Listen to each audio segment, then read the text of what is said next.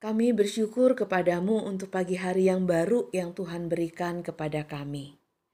Kami rindu Tuhan, Engkau kembali menyapa dan menuntun kami melalui firman-Mu yang akan kami baca dan kami renungkan pada pagi hari ini.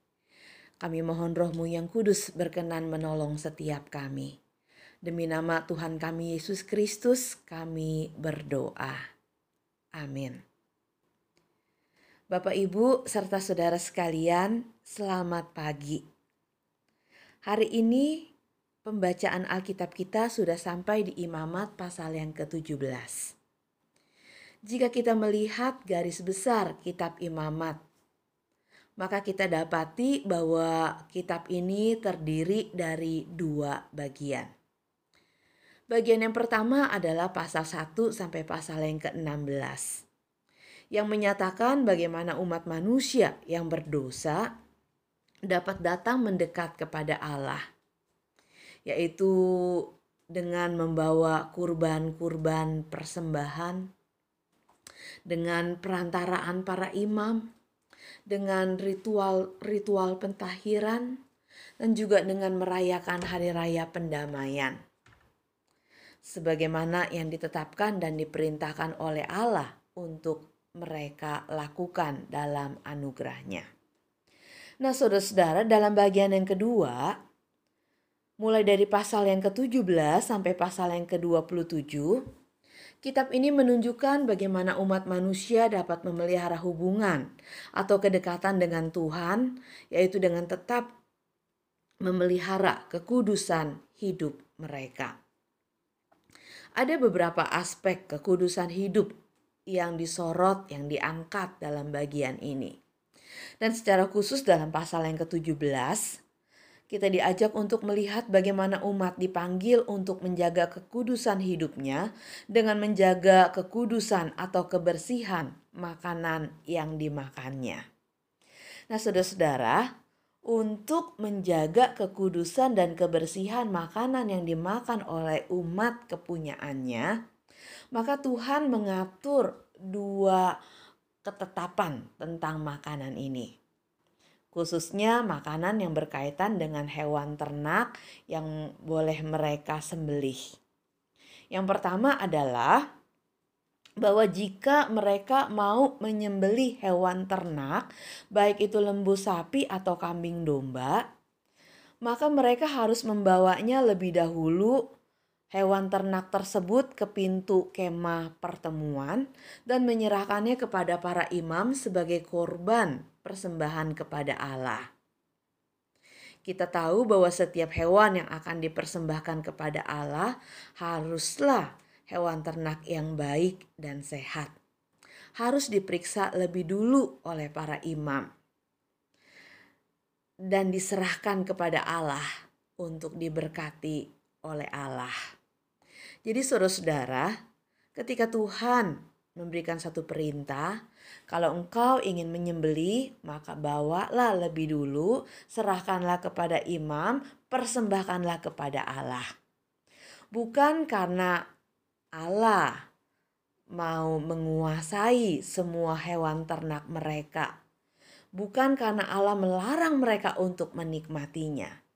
Tetapi Allah justru menghendaki supaya yang mereka makan adalah hewan ternak yang sudah lolos quality kontrolnya sebagai hewan yang baik, yang sehat, yang memang pantas dan layak untuk mereka konsumsi.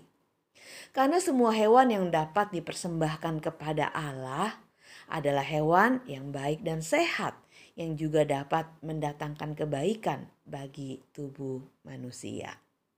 Maka dari ayat yang pertama sampai ayat yang ke-9 pasal 17 ini, Tuhan memberikan sebuah ketetapan dan peraturan. Mereka dilarang untuk membawa hewan ternak tersebut ke padang gurun untuk dipersembahkan kepada jin-jin seperti yang biasa dilakukan oleh bangsa-bangsa yang tidak mengenal Allah, oleh orang-orang yang menyembah berhala-berhala.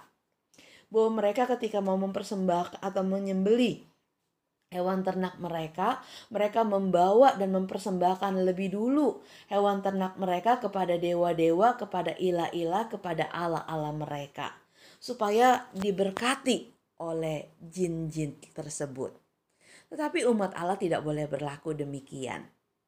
Umat Allah ketika mau menyembelih hewan ternak mereka harus datang membawa hewan ternak itu ke kemah pertemuan supaya diperiksa, supaya disensor, supaya benar-benar dinyatakan layak untuk dikonsumsi oleh setiap mereka. Nah, saudara-saudara, ketetapan yang kedua berkaitan dengan kekudusan atau kebersihan makanan yang boleh mereka makan, maka Tuhan katakan bahwa setiap hewan ternak yang mereka mau makan dagingnya, ataupun juga hewan hasil buruan mereka, mereka juga boleh memakannya, tetapi ada beberapa ketetapan tentang daging hewan yang mau dimakan ini, atau yang di, baik untuk dimakan ini. Yang pertama adalah hewan atau daging hewan tersebut masih segar belum busuk, belum jadi bangkai. Itu sebabnya dalam bagian firman Tuhan ditegaskan bahwa mereka tidak boleh makan bangkai, yaitu sisa mangsa binatang buas yang ditinggalkan oleh mereka. Karena makanan yang tersisa itu yang sudah disebut bangkai, tentu di sana sudah ada banyak bakterinya. Tidak lagi baik untuk dimakan dan dikonsumsi oleh mereka. Dan itu sebabnya Tuhan katakan bahwa jika mereka memakannya, maka mereka akan ada dalam kondisi yang najis. Ada sesuatu yang kotor yang masuk ke dalam tubuh mereka. Mereka tidak boleh makan bangkai. Yang kedua, mereka tidak boleh makan daging yang masih begitu segarnya sampai darahnya masih terus mengalir di dalam daging tersebut. Kenapa tidak boleh? Karena daging yang darahnya masih mengalir di dalamnya, ditegaskan bahwa daging itu tentulah masih daging dari makhluk yang hidup. Dan umat manusia sekalipun boleh makan daging, tidak diizinkan oleh Tuhan untuk menjadi makhluk yang rakus, yang tamak, yang sadis, sehingga sesama makhluk hidup pun mau dia makan hidup-hidup.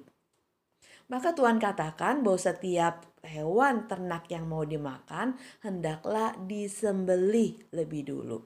Hendaklah darahnya dicurahkan ke atas tanah. Sehingga benar-benar darah itu terpisah dari dagingnya. Daging yang seperti itulah yang boleh dimakan oleh umat Allah. Nah, yang ketiga bahwa mereka tidak boleh makan darah. Kenapa tidak boleh makan darah?